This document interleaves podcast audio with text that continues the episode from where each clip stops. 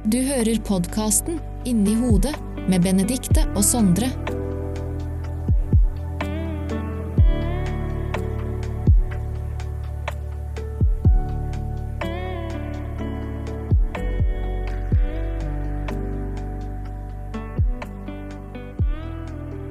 Velkommen til ny podkastepisode. Um, jeg tenkte vi skulle snakke om personlighetstrekk i dag. Og der er vi ganske ulike, Sondre. Ikke så rent lite heller. Nei. Eh, Ganske gode motsetninger, tror jeg, på veldig mange punkt. Ja, vi kan jo begynne med Nå har ikke vi snakka om noen ting av det her på forhånd. Eh, Men da kan jo du si hva du tenker er hovedrekkene som vi er ulike på. Ja, du kan si sånn eh, Nå sitter du og smiler. det begynner jeg å le, men uh, Det er ikke et lurespørsmål. Nei. Eh, Men jeg tenker du uh, Eller jeg kan ta meg sjøl først. Jeg har et veldig, veldig tykt lag med filter på ting. Og er veldig òg god på kanskje å maskere, mens du er den store motsetningen. Altså, du har tilnærma lik null filter og sier ting akkurat sånn som det er, og du er et veldig sånn utad følelsesmenneske, så er aldri, man er aldri i tvil om hva du føler. Nei. Ja, det er fint at du sier det, um, for vi skal fortsette å snakke litt om akkurat det personlighetstrekket hos meg etterpå. Men uh, først så bare tenkte jeg å si hva jeg tenkte på eh, av motsetninger da, mellom oss to. Ja. Um, og jeg skal også innrømme at noen ganger så irriterer det meg litt, fordi at Mm. jeg tar avgjørelser ganske raskt på ting. ja, du er rask på, rask på mye. Ja, og du skal tenke på det. Eh, Du skal tenke på det fryktelig lenge. Eller i, eh, for meg så blir det fryktelig lenge, men fem minutter er fryktelig lenge i mitt liv. Um, Kan til og med virke som ett minutt er ganske, ganske lenge i visse tilfeller. Ja, så utålmodig det er absolutt et sterkt, sterkt personlighetstrekk hos meg. Ja. Uh, vi har hatt besøk hos oss Mm. av en, uh, av en kjent eh, Heter det tiktoker? Jeg tror det kalles tiktokere, ja. Ja. Mm. Audun Hvile har Mm. vært en tur hos oss og prata litt. ja. Eh, da var vi også inne på dette med personlighetstrekk. Ja. Eh, og vi skal med et lite klipp derfra. Mm. Mm. Eh, Kan jo bare også nevne, siden han var på besøk hos oss, da, så er det jo greit å nevne at TikTok-kanalen hans heter Drømmeprinsen. Og ja. Tanken bak navnet det var at han var med på, eh, på et TV-program som heter Linni søker Drømmeprinsen. eh, sammen med en annen lokal eh, her i Grimstad. Audun han røyk først ut, men det tror jeg ikke var pga. at han var en dårlig person. Men han hadde sine ting å kanskje stri med. Hadde litt tungt der, han òg, men skal høre litt mer om det i klippet seinere, da. Kanskje det var av noen sterke personlighetstrekk? Han har en veldig sterk personlighet, og det, det er det ingen tvil om. Og det er han helt klar og tydelig på sjøl òg, så dette er jo ikke å snakke ned Audun på noe som helst vis, men han er en veldig sterk personlighet òg på sosiale medier. Han eh, Ingen filter, og sier ting akkurat slik han mener de er. eh, Noe som kan være både positivt og òg i noen tilfeller sikkert negativt. Mm. Mm, men han sier litt om det sjøl òg. For å holde tråden litt her eh, Når vi snakka med Audun, så snakka vi også litt grann om, em, om eh, affektfobi. Mm. Eh, Det snakka vi også om i forrige episode Ja. av podkasten vår. Eh, og det er jo en tilstand som du har, Mm. Sondre. Ja. Ja. Og den dagen du hadde funnet ut at det var det du har, så ringte du til meg med Mm. en gang du var ferdig eh, i, på den timen du hadde. Mm. Um, og da opplevde jeg deg som ganske letta og ganske engasjert når du forklarte meg eh, hva som hadde skjedd på den timen. Ja. Det var, Eh, det var en slags lettelse. Det var Ja. en slags eufori òg rundt det hele. ja, ja, ja, og du prata, prata, prata, prata, og jeg var egentlig på jobb og, og litt opptatt, men, eh, men jeg måtte bare høre Ja. hvordan det hadde gått. Mm. Eh, og da snakka vi litt om eh, Og det her husker jeg veldig godt, vi snakka om på telefonen at eh, nå var det lettere å forstå hvorfor ikke vi to alltid forstår hverandre. Ja, og det er, det er jo veldig vanskelig å, for mange å forstå en eh, som har affektfobi, og som ikke har begynt å jobbe med den ennå. Eh, Mm. For affektfobi, altså hovedtrekka, da, bare for å ta det igjen, så er det jo det at eh, det sitter gjerne igjen fra barndommen, og det er tilbake kanskje litt til skoletida og mobbing og sånn, men eh, det er det med å regulere følelser. Eh, og eksempel hvis du i utgangspunktet burde ha vært glad, det ville ha vært naturlig, en naturlig følelse, så eh, uttrykker du det gjerne med en annen følelse. Altså tristhet, angst, eh, frykt, for det er de mest kjente følelsene. Mm. Eh, så, så du maskerer en følelse med en annen. Ja. Mm. Men eh, eh, da vil jeg spørre om en annen ting, for du Mm. sier frykt. Og kan ikke du forklare litt hvordan du blir når du uttrykker frykt? For det syns jeg er en annerledes måte enn det jeg har sett hos andre. Ja, det er jo sånn Frykten i det hverdagslige, den har jeg veldig, veldig lite av. Eh, hvis det kommer til sånne akutte hendelser, så har jeg veldig lite frykt. eh, og kjenner veldig lite på fryktfølelsen, og det handler nok også litt om den affektfobien. Eh, men det handler nok også om at jeg har vært igjennom ganske mye. eh, stått eh, nesten skulder om skulder med ei bombe som gikk av, litt sånne ting òg. Opplevd en del vold. Og, så man blir jo på en måte litt eh, Litt kanskje ja, litt isolert fra den fryktfølelsen av sånne ting òg, i hvert fall når det har, skjedd, har skjedd i mange omganger eh, over lengre tid. Eh, men jeg blir nok Ja, jeg veit ikke helt åssen jeg skal beskrive meg sjøl. Hvis jeg blir skikkelig redd eh, Det er veldig lenge siden jeg har blitt. eh, Men jeg, jeg blir nok kanskje litt irritert. Ja. Ja. Jeg vet ikke hvordan du vil beskrive meg. Um, jeg syns det er litt vanskelig å beskrive det sjøl, men eh, jeg kan i hvert fall si det at når du er redd for noe, så bruker jeg veldig lang tid på å forstå at det er frykt som er Mm. følelsesuttrykket ditt. Ja. Ja. Um, så jeg har nok noen ganger kanskje blitt litt irritert, Mm. eller uh, oversett det, uten at det var med vilje, men oversett det fordi jeg ikke har forstått det. Mm. Um, det er en greie du har gjort litt i det siste. Ja. Når jeg reiser på jobb, Mm. så sender du melding, Mm. og da spør du om det går bra. Ja. Det er jo sånne ting jeg blir redd for. Det Ja. er jo ikke det er jo ikke nødvendigvis skumle menn i ei mørk bakgate, for å si det på den måten. Eh, Nei.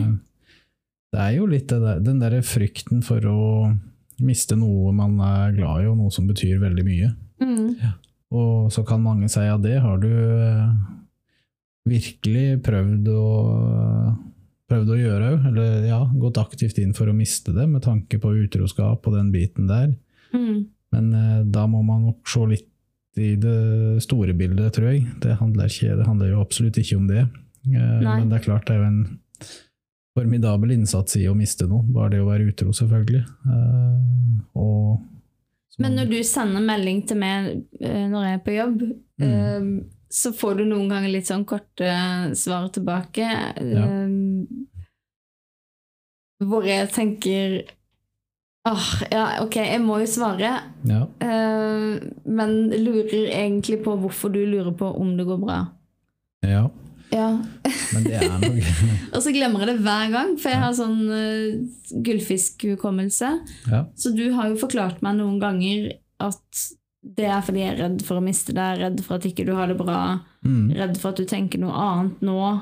Selv om vi har snakka mye sammen da, om alt som har skjedd. Ja, men det ligger litt latent i eh, bakhodet. Det, Ja. det gjør det fortsatt. Men når jeg står på jobb, så har jeg glemt at det er derfor du sender melding og spør om det går bra. Mm. Så jeg sender bare tilbake. Ja, ja, det går fint. Går det bra med du? Ja. Jo, men det, det er nok eh, Når vi er inne på det her med frykt, så er det det, det er jo sånne ting jeg virkelig er redd for. Mm. Det, det er det jeg kjenner på. Det er der jeg kjenner at jeg blir redd og nervøs. Det er en sånn er en klump som kommer i magen, og det er, det er skikkelig vondt. Uh, Men tror du at det gjør meg opp en annen mening mens jeg reiser på jobb? på en måte? Uh, Nei, ikke nødvendigvis. Men uh, det handler kanskje mer om litt det bekreftelsesbehovet. Ja. Eh, og det har, alle har jo en viss form for bekreftelsesbehov. Hvis det ikke, så mener jeg at det er noe fundamentalt galt i et, enhver relasjon, hvis man ikke har et bekreftelsesbehov. Mm. Men jeg har, nå for tida så har jeg nok et voldsomt bekreftelsesbehov. Det har jeg jo ikke hatt tidligere. Nei. Eh, Men det handler nok om hva som har skjedd òg. Dette med at begge to har vært utro, at vi har hatt ei kjempekrise i ekteskapet. Og det er først nå vi har begynt å jobbe ordentlig med det, og i hvert fall jeg, da. Det er jo jeg som må eh, jobbe skikkelig med meg sjøl eh, for å bli kvitt den affektfobien og få en sånn der normal tilnærmelse til følelser. Mm. Um, og det, det, det tenker jeg på en måte at uh, den behandlinga jeg går i, er jo veldig viktig, men samtidig så kommer den der um, stolthetsfølelsen som et slags hinder. Da. Jeg er mann, det er ikke sant, veldig sånn stereotypisk at man skal være stor og sterk og beskytte alt og alle, skal i hvert fall ikke ha noen sånne svake punkter. Uh, og der føler jeg at jeg, jeg har eh, gjort meg svak, da, på en måte, ikke sant, overfor deg, og at man da kanskje tenker at her er det det det er andre som kan ta mye mer vare på det, akkurat i den fasen som er nå. Så du vil sjekke om jeg fortsatt ser på du på den samme måten som tidligere? Kan man si det sånn? Eller som at jeg ser på du som en som kan beskytte meg, da? Ja, ve veldig enkelt forklart, men det er jo det Ja. at man Når man først har begynt å prate om det her, så gjør man seg jo ekstremt sårbar. Ja. Eh, og spesielt for min egen del, som jeg alltid, jeg har vært vant med, i hvert fall i voksne liv, å være den store og sterke. Som òg folk kommer og de ber om hjelp, ikke sant, hele veien. Eh, jeg har alltid gjort det. Eh, men nå så må liksom jeg prøve å begrense litt, akkurat i den tida som er nå. Og da blir man jo litt redd, da, for at andre tenker at nei, det finnes, eh, finnes bedre ting. Jeg tenker jo at Eller jeg opplever det som sterkere nå enn tidligere. Eh, Det er jeg glad for å høre. Ja, Mm. men, men det, er ikke, det er ikke noe jeg bare sier for å være hyggelig. Men eh, du har sikkert merka det på deg sjøl òg, men etter at du har sagt uh, hvordan du egentlig har det, og, og begynt å jobbe med deg sjøl, så er du også mer oppmerksom på ting som foregår rundt deg. Mm. Og det kan være helt super, super enkle ting, som å huske å uh, legge trekk over bassenget, eller eh, eh, ja, Ja. eh, rydde kjøkkenet før jeg kommer hjem. Eh, Før så Jeg sier ikke at ikke du gjorde noen ting før, for det Nei. gjorde du, Mm. men du er mye mer oppmerksom på Ja. uh, små ting. Mm. Um, Istedenfor å gå forbi være søpla på vei ut, så tar du den med deg, på en Ja. måte. Ja. Mm. Nei, og det er jo det er jo mye av det går igjen til affektfobien, at man, Mm. man mister en del um, av den hukommelsen på en måte man egentlig skulle ha hatt, Mm. spesielt korttidsminnet. Og man blir veldig, veldig lett distrahert. Mm. Eh, så konsentrasjonen er jo nesten lik null, så Ja. at det på en måte mm, Psykologspesialisten min er veldig sånn på sett og vis overraska at jeg har klart arbeidslivet så bra, men Mhm. samtidig så ser vi det at der, eh, der har jeg hjulpet andre hele tida. Det er da jeg er på mitt beste, ikke Ja. sant? Eh, eller i hvert fall prøve å yte hjelp, da. Ja. Um, og det, da, da glemmer man alt annet, og så er man på en måte fokusert kun på det faglige. Og jeg sier ikke noe Det er jo viktig for meg òg, når jeg sier her og snakker om at jeg prøver å hjelpe alt og alle hele tida. Det er ikke et forsøk på å opphøye meg sjøl på noen grad, eh, i noen grad. Det er jo mer bare en sånn Du klarer ikke å si nei. Nei, ja det, Da sa jeg det for deg, men det er sannheten. Du klarer ikke å si nei. Nei, men, nei, men det er samtidig det er viktig for meg å vite, eller gi, liksom vise folk uh, at jeg tenker ikke på meg sjøl som noe bedre menneske, for, selv om det har vært en sånn For det har jo vært en veldig mestringsstrategi for meg i tillegg, men jeg ser ikke på meg som Guds høyre hånd eller uh, en sånn reddende engel uh, i ethvert rom jeg kommer inn i. Det, det er ikke det jeg mener med det her, altså. Det, det er viktig. Nei, vi, og vi har jo snakka om det litt tidligere òg. Det her med at du veldig gjerne vil hjelpe andre, men så kan det bli litt mye noen ganger. Ja. Um, ja. Det handler ikke om at ikke man har lyst og, og for all del, eh, nære og kjære, ikke, ikke slutt å spørre. Det er jo Nei, det er ikke det det handler om. Det bare handler om um, at det skal gå begge veier, og at det Mm. kanskje har vært um, også en blanding av at det har vært vanskelig å ta imot. Ja. Du har nok også hatt hjelp stående som et tilbud hvor du enten ikke har sett det, eller valgt å si at ikke du trenger det. Ja.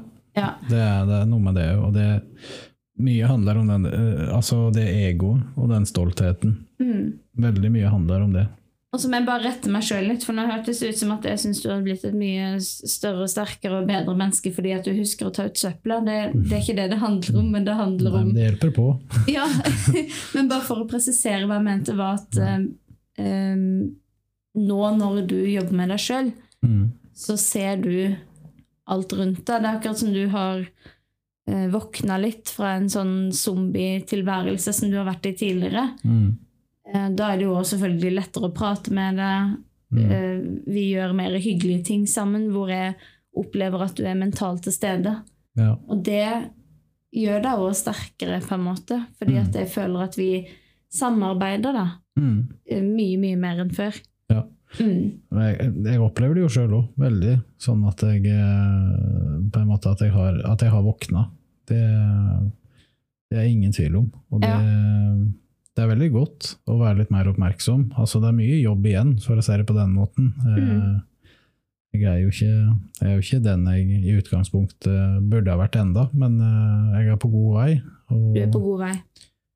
Eh, og det blir nok bra. Det, det jeg må jobbe mest med nå, det er litt sånn Kanskje ikke bli så stressa over ting i privatlivet. Sånne småting, sånne helt banale ting. Mm. Eh, fordi at man føler at man feiler. Altså og jeg å, Vi har jo gått til innkjøp av litt nytt utstyr, fordi at jeg har fått så mye klager på at jeg puster så veldig hardt inn. Sånn.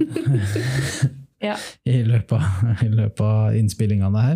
Og det høres veldig godt, så det er bare å beklage. Så nå har vi gått til innkjøp av litt nytt utstyr da, for å prøve å på en måte gjøre kvaliteten på det hele enda litt bedre. Um, men det var så enkelt som at vi skulle skru opp et ekstra stativ her inne. Uh, og det gikk ikke helt som planlagt, på en måte. Jeg prøvde igjen og igjen og igjen, og det bare ville ikke funke.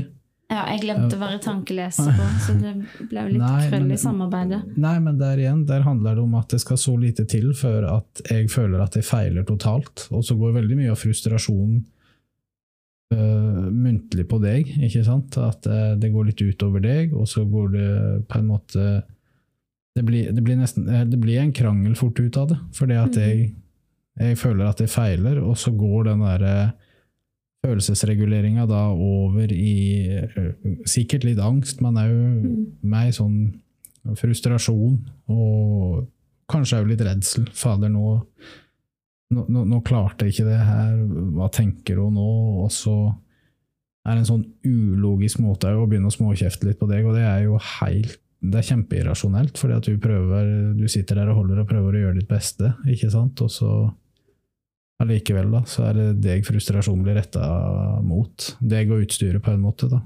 Ikke at jeg slenger utstyret rundt og sånn, men eh, det er bare sånn mer muntlig, sånn småirritasjon. Og det, Ja. Det er en del av det, for jeg er egentlig ikke en irritabel person heller, sånn i utgangspunktet. Med mindre folk Nei. blir behandla urettferdig, da blir jeg fly forbanna, da blir jeg ikke irritert engang. Men eh, Da hopper du over noen steg. Men ja. Men, eh, men eh, jeg opplever deg jo ikke som kjempesint i en sånn situasjon som det her, men Nei. eh, eh, igjen da så glemmer jeg hvorfor du gjør som du gjør, eller og tar ikke hensyn til det, og derfor blir det en krangel ut av det. Mm. For for meg så er det jo helt ubegripelig at du skal bli uh, føle så nederlag da, bare fordi at ikke du klarte å skru opp det stativet på første forsøk, på en Mm. måte. Mm. Um, det er jo ikke noe å gå i kjelleren for, Nei. tenker jeg da. Nei, nei. Uh, sånn sett så er jeg jo en ganske enkel person.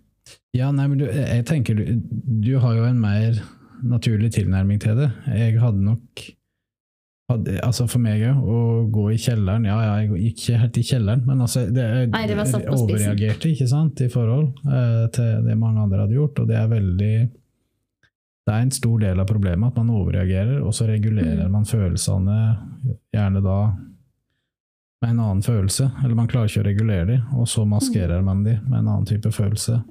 Ja. Gir uttrykk for dem med en annen type følelse. Altså, jeg kunne bare sagt at dette var noe drit, og så må vi prøve sånn og sånn og sånn. Ja. Eh, og funka ikke det, så må vi prøve planen ja, altså CTÅ, holdt jeg på å si. Ja. Eh, Men dette gjelder jo ikke bare eh, sånn følelse av nederlag. Det det er jo i hovedsak neg alle negative følelser. Ja. Er det ikke det?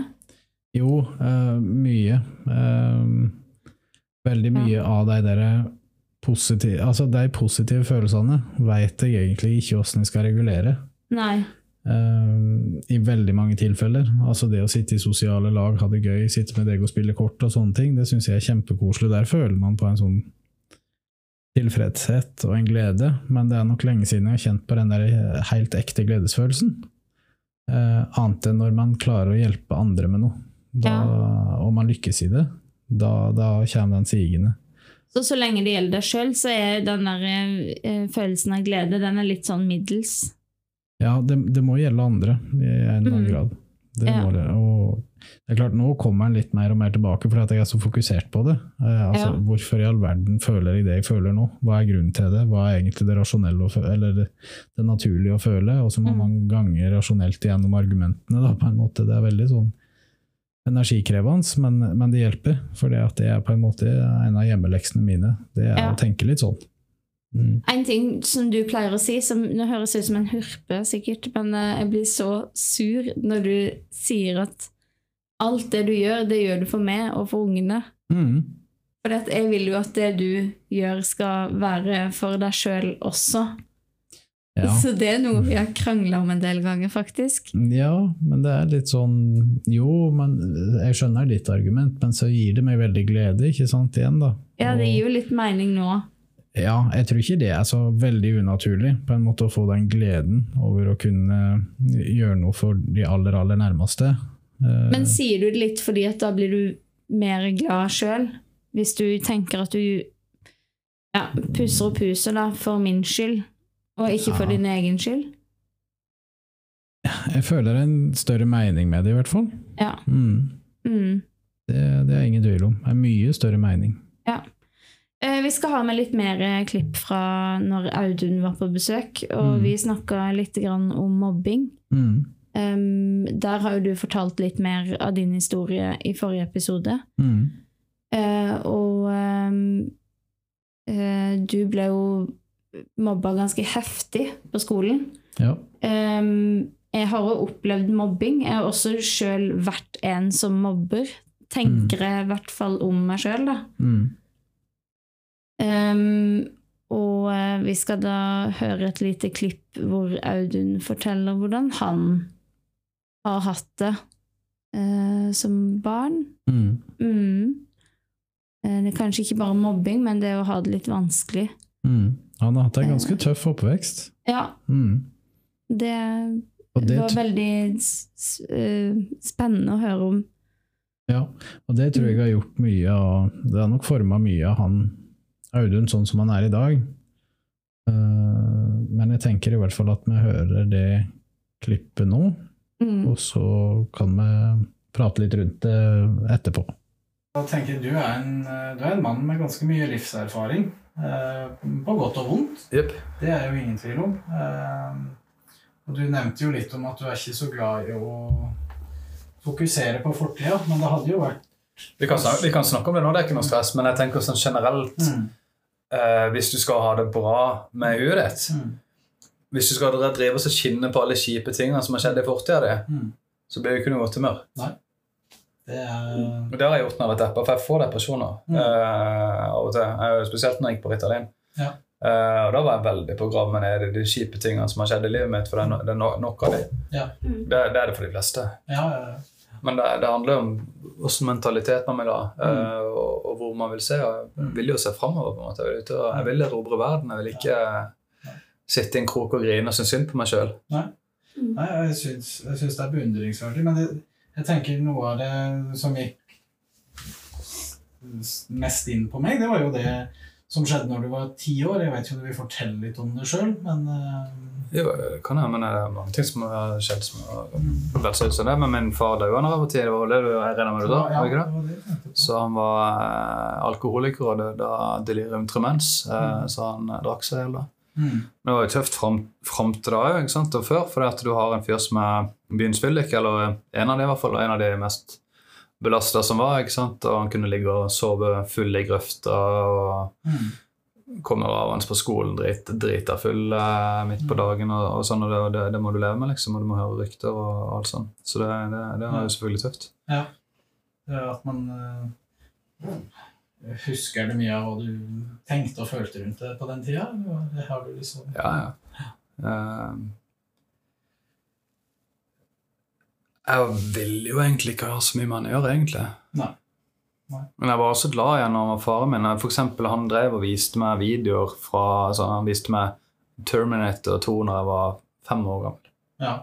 Han kunne ikke, kunne ikke engelsk engang, og du ser folk som får blåst av huet sitt. og sånne ting, Mm. og Det er jo sånn som jeg plager meg. Ja. Eh, f- fordi at det var 18 års aldersgrense, jeg var ikke 18. Det var sånn jeg tenkte da. Ja. Uh, og, og det var en hemmelighet som ikke jeg ville dele med noen. da. Uh, for jeg ville beskytte han, for han var, fortsatt min far. Så du, du skåna han litt, egentlig? Eller ja, beskytta han? på det? Ja, selvfølgelig beskytta han min far. Ja.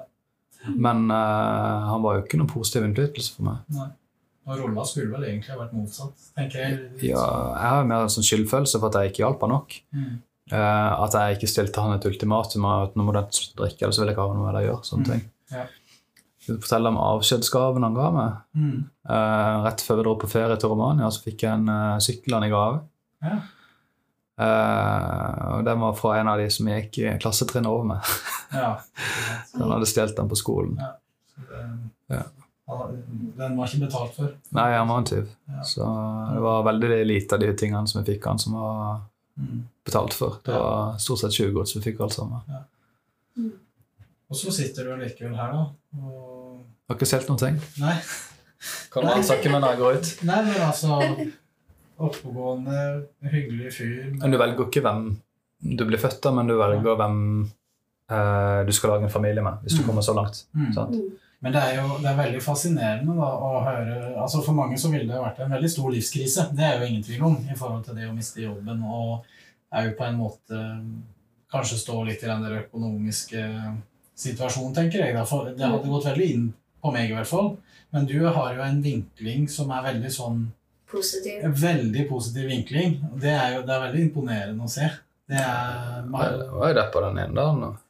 Ja, og det, det har du all grunn til å være, tenker men han, eh, man har eh, lov til å være deppa, men det, det er jo samtidig veldig gøy å høre at man takler ting så forskjellig, og at din måte å takle det på funker så bra for deg, for du Samtidig som du går gjennom noe, så er du samtidig på et eventyr som etter hva jeg har forstått, har gitt det veldig mye. da. Men du, hvis du ser på TikTok, men så ser du at jeg har det jævlig mye gøy. Ja, det er det, som- det, er det jeg mener. Du, Jeg, jeg gjør jo ting som jeg tror de fleste kunne misunne meg, egentlig, og lever et liv som de fleste kunne misunne meg. Mm. Så jeg har faen ikke noen grunn til å klage. Sånn, da hørte vi litt på eh, Audun. Um, og så sa du Vi satt og prata litt mens vi hørte på eh, klippet. Så mm. sa du noe om at det er noen sånne stereotypiske meninger. Eh, har du vært utro, så blir du skilt. Har du hatt en traumatisk eh, oppvekst, så blir Så vil det mest sannsynlig gå dårlig med det. Ja. Altså, Eh, at man på en måte Man har sånne utarbeida fasitsvar på åssen det går med deg, nesten.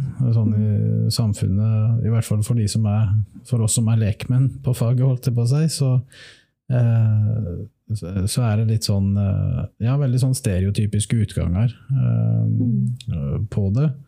Og jeg, jeg tenker at Audun òg er et motbevis. Han er jo litt sånn som du òg sa, altså han han har ikke penger for tiden, han har mista jobben, han, han har det eh, Veldig mange ville ha tatt det ganske tungt.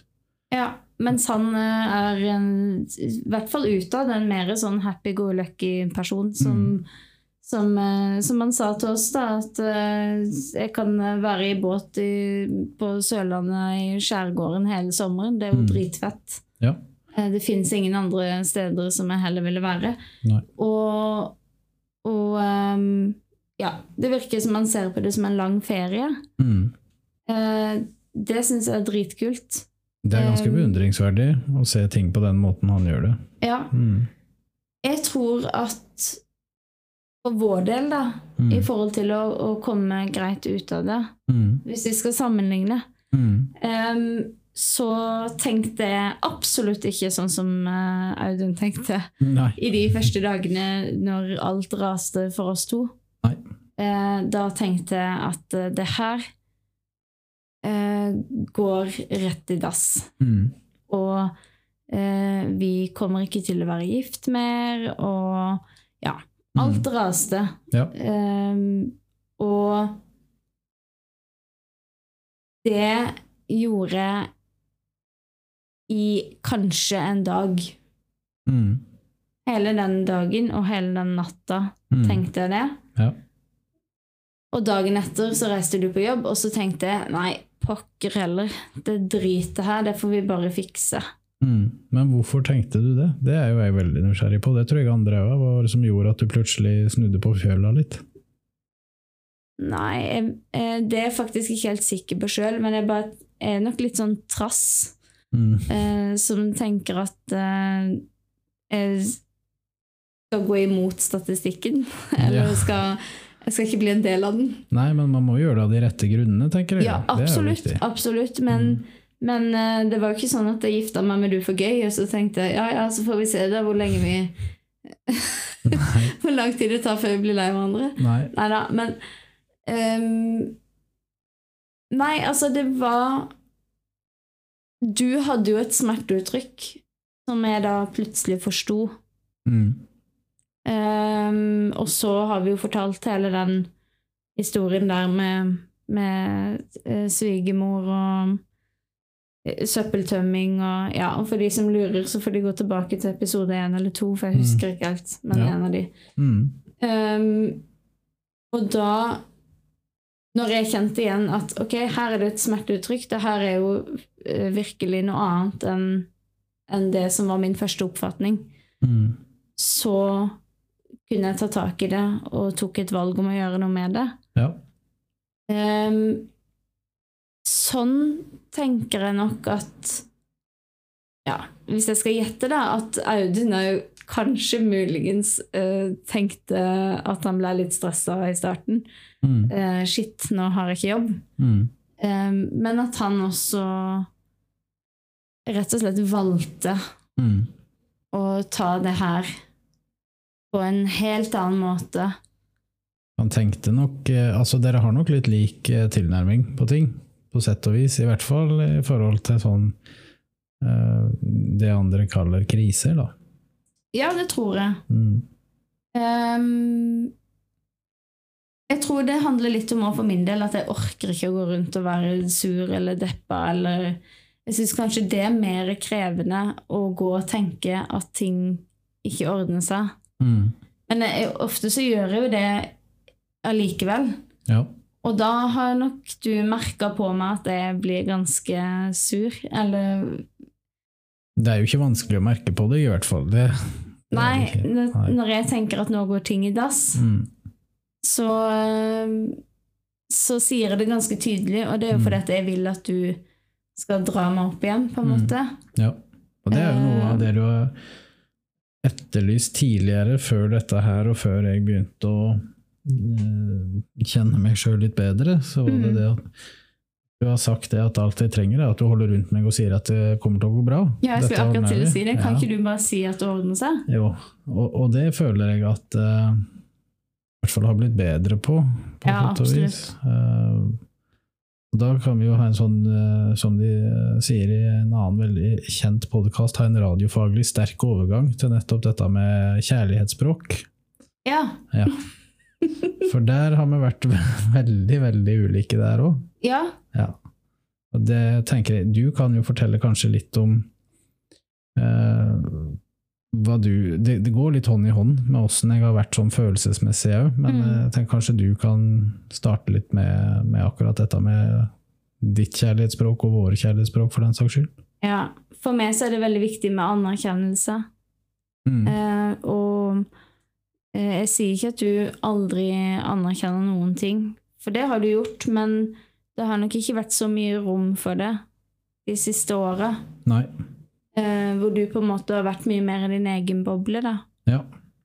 Um, og så har jeg nok uh, tenkt Det er ikke så viktig for meg å ta imot gaver, men det er viktig for meg å kunne gi gaver. Sånn Mm. at uh, hvis du sier at du føler at ikke, du, at ikke jeg ser deg, og sånn, Mm. eh, så skjønner jeg ingenting, fordi at jeg hadde nettopp uh, strikka en eh, Marius-genser til det, som jeg hadde Ja. brukt eh, sykt lang tid på. Mm. Altså ja, er ikke bare det, da, men det er mange sånne småting hvor jeg føler at jeg Se, nå har jeg, rydda hele huset før du kom hjem, og Mm. eh, her er genseren jeg strikka til deg, og jeg tente noen lys og følte liksom at jeg hadde gitt deg noe, da, og så, Mm. og så sier du at åh, du ser meg aldri, på en måte. Mm. Ja. Så der har nok vi hatt en liten kollisjon, men jeg tror ikke det er fordi at vi har fullstendig ulike kjærlighetsspråk. Jeg tror det er fordi at du ikke har vært mottagelig for verken eh, mitt sterkeste kjærlighetsspråk eller ditt eget. Nei, og jeg tror nok på sett og vis så har vi altså det, dette med kjærlighetsspråk, da, for de som tenker at dette er bare tull, så er det nok litt lurt å gå inn og, og lese litt om det, for det er, det er ganske mye forskning på det, og det er, eh, det er noe man burde sette seg inn i, i hvert fall hvis man sliter litt på ekteskapsfronten eller som, som kjærester, eller hva det skulle være. Men Det kan avdekke små misforståelser òg, faktisk. ja, Ja. det kan det. Men i utgangspunktet så har nok jeg og du et veldig likt kjærlighetsspråk sånn eh, når begge har det bra. Ja. Eh, det, da handler det gjerne om dette å holde rundt hverandre, dette å anerkjenne og, Mm. og den biten der, mens jeg har vært veldig sånn holdt to med altså, kan sammenligne det litt med koronaepidemien, der man skulle holde Først var det to eller tre meters avstand, så var det én meters avstand, og nå kan vi gå helt nære hverandre igjen. og Det var litt sånn det har vært for meg de siste åra òg, at jeg har holdt veldig stor avstand, nesten med maske på. Ja. Eh, nesten med ei hel vernedrakt på, vil jeg si. ja. Eh, mens nå så er jo Når du kom- kommer hjem fra jobb, eller jeg kommer hjem fra jobb, så er det det å gi deg et kyss, eller du gir meg et kyss, og vi liksom vi er på bølgelengde der, da, føler jeg. Du slutta å ringe meg når du var på vei hjem fra jobb, det husker jeg veldig godt. Mm. Og da hadde jeg nok en sånn det, det var ikke en varsellampe, men jeg tenkte i mitt stille sinn at det var noe. Ja. Um, jeg trodde ikke du var så langt nede som du var, og jeg trodde overhodet ikke at du var utro. Nei. Um, men jeg hadde en følelse at det var noe. Mm. Eller sånn. Men så tenkte jeg kanskje du bare er sliten. ikke sant? Man begynner å lete etter andre mm. sies, forklaringer som gir mening, da. den rutina på å ringe hverandre rett etter jobb, den var jo ganske godt innarbeida. Mm, det var det. Eh, Og sånn som nå, så har jo du òg mista litt den rutina, og det er jo noe som frustrerer meg så til de grader, ikke sant? Eller jeg har i Ja. hvert fall gjort, da, for da tenker jeg nei, nå er det fanken meg noe gærent igjen. Uh, Kanskje fordi at du slutta med det når det var noe gærent. Jeg har slutta med det fordi at jeg vil høre på musikk du på vei hjem. Eh, Og fordi at eh, du allerede har sendt melding kanskje to-tre ganger mens jeg har vært på jobb og spurt hvordan det går. Ja. Så da føler jeg at vi har allerede hatt den kommunikasjonen der. Ja, ja. Og, og, jeg, og jeg gidder jo ikke ringe deg lenger nå på vei hjem fra jobb, for det tar meg tre minutter å kjøre hjem. Så Ja, det Så det er på en måte ikke vits. Ja. Mm. Ja. Ja. Em, jeg hadde egentlig tenkt at vi skulle snakke om eh, litt mer om eh, mobbing og eh, personlighetstrekk, fordi at det er en sånn Ja, jeg har en veldig direkte personlighet og, og roter meg ofte opp i ting. Jeg ser at tida har løpt litt ifra oss, så jeg tenker at vi rett og slett skal spare det til neste episode. Har din personlighet neste episode? Ja, det er så sykt mye å snakke om. Det kan hende vi trenger to episoder på det òg. Ja, det er mulig. Ja, men da Ja. blir det i hvert fall episode, ny episode neste mandag. Ja. ja. Det gjør det. Da høres vi. Ha det. Ha det. Du har hørt podkasten Inni hodet med Benedikte og Sondre.